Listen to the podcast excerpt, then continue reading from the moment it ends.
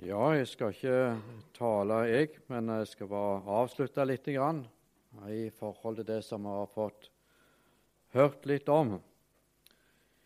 I eh, dagligtalen så sier vi ofte, iallfall når det gjelder en del ting, så sier vi sånn at vi må finne den røde tråden. Det har sikkert dere brukt det uttrykket. Jeg bruker det av og til, og dere bruker det sikkert av og til. Å finne den røde tråden.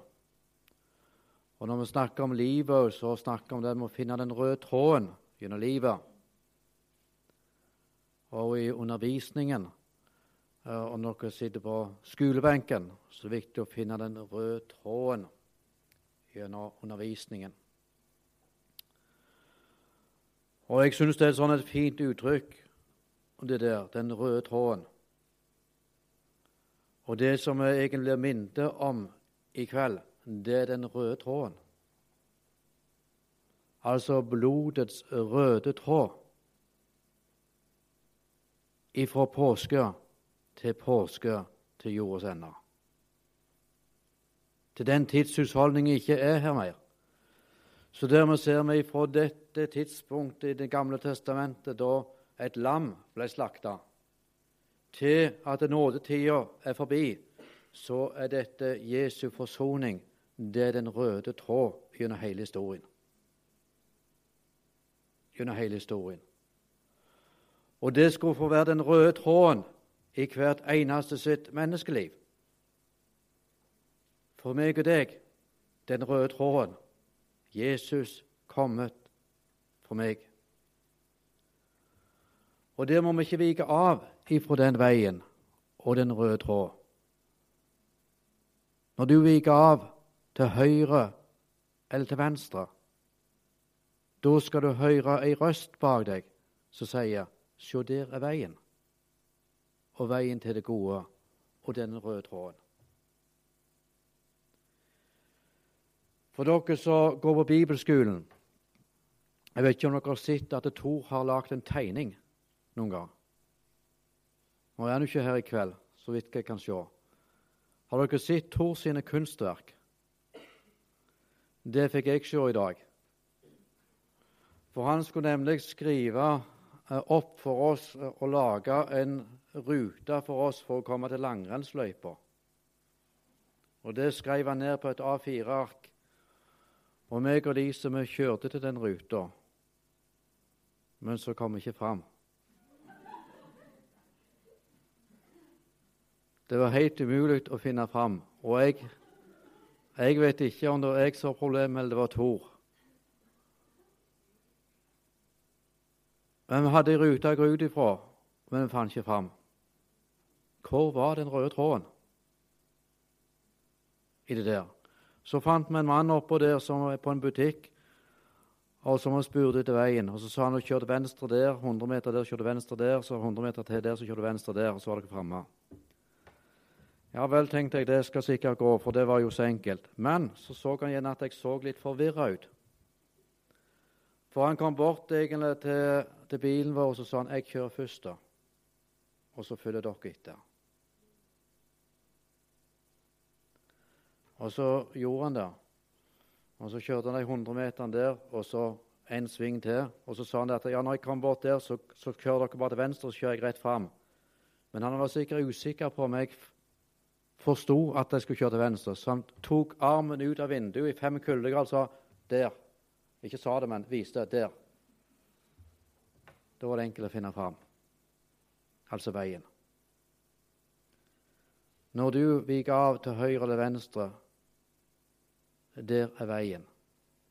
Og det er noe med blodet, og det er noe med den røde tråden her, som det er så lett for oss gjennom vandringen ikke komme på Ikke slik at vi faller ut av det, nåden, men at vi kommer på avstand ifra det.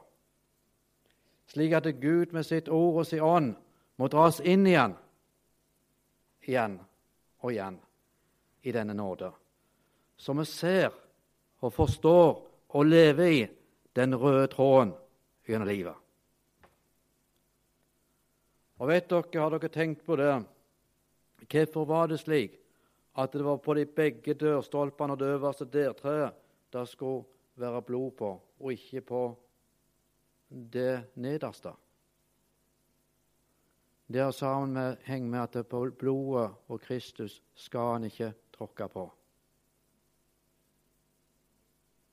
Men det skal være over livet vårt, og alt skal være under blodets beskyttelse. Hele vår liv, hele vår vandring, alt er under blodets beskyttelse. Men Kristus tråkker vi ikke på. Men vi er beskytta av Han under blodets store sak. Den røde tråden. Blodet. Og så syns jeg det er noe fint med det som står der i, i forhold til familiene.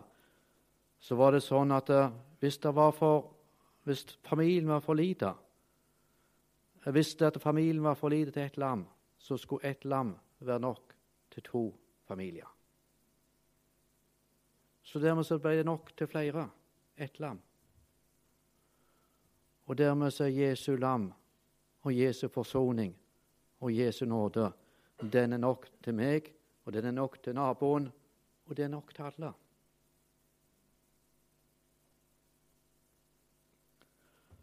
Dere har hatt litt om sang og musikk i dag, etter jeg har forstått. Jeg var ikke med på det. Men uh, Hans Adolf Brorson han har skrevet mange salmer. Og noen av dem skrev han uh, tidlig, rundt 1730 og noen skrev han på slutten av sitt liv. Da han var biskop i Ribe, det var han på slutten av sitt liv. Og da, på slutten av sitt liv, da var den vanskeligste tida i Hans Adolf Brorsons liv. Da var han på mange måter avsett og ikke ansett lenger hos folk. Og det var mange rykter som kom ut av Brorson på mange forskjellige vis. Og lite talte han, og lite var han ute blant folk. Men mange av de fineste salmene de skrev han i den siste tid, da han var på loftet i Ribe, mest som avsatt biskop. Og Hvis dere ser på de salmene som står 1765 på, så er det de salmene som er skrevet helt på slutten av sitt liv, som en ikke vet datofesting på, for han døde i 1764.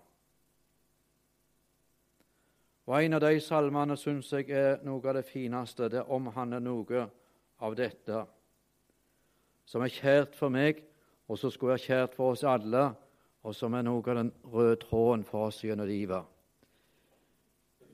Jeg ser deg, o Guds lam, å stå på Sions bergetopp, men akk, den vei du måtte gå, så tung og trang der opp.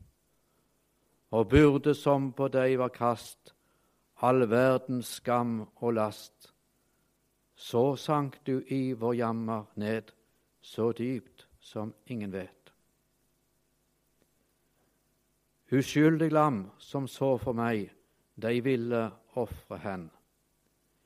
Din kjærlighet har bundet deg og får meg løst igjen.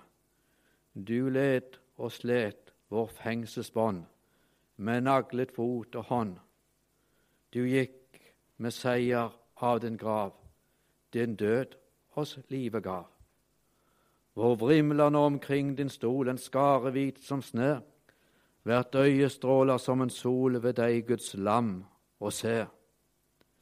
Det ord om lammets slaveri for oss, for oss og fri, det ord har enda sterkest klang blant englers sang.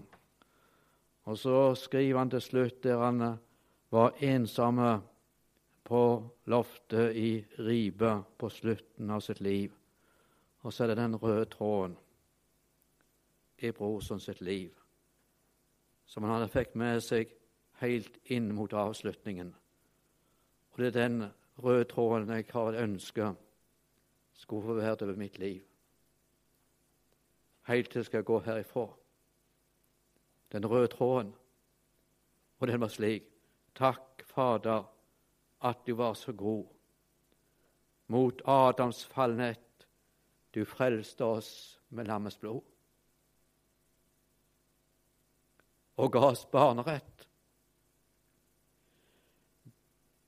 De priser nå hvert åndedrag, hvert sukk og hjerteslag, Guds lam, for all den kval du led. Takk, takk i evighet.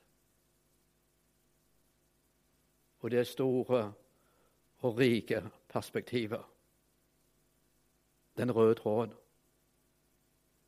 Jesus kommer til kjøtt. Du ofret deg slik for oss. Og så kunne israelsfolket vandre ut av Egyptens land som et under. Og så vandrer vi ut av verden som et under, Guds folk, for vi har tråden. Kristus kommet i kjød for meg. Kjære Jesus, jeg takker deg for budskapet som jeg fikk bli stilt innover i kveld. Og hvordan du har tilrettelagt alt for oss ifra den gamle pakt. Og vi ser får lov å se sammenhengen mellom det du gjorde da du kom og lei for oss på Golgata. Kjære Jesus, takk for du kom, og takk for din frelse, og takk for din nåde. Og jeg vil be deg, Jesus, om å kunne få lov å leve i det og få buse deg, Jesus, gjennom livet. Kjære Jesus, må ingenting må komme opp og ødelegge for dette store og for å være sammen med deg og eie deg og ditt vennskap og din nåde.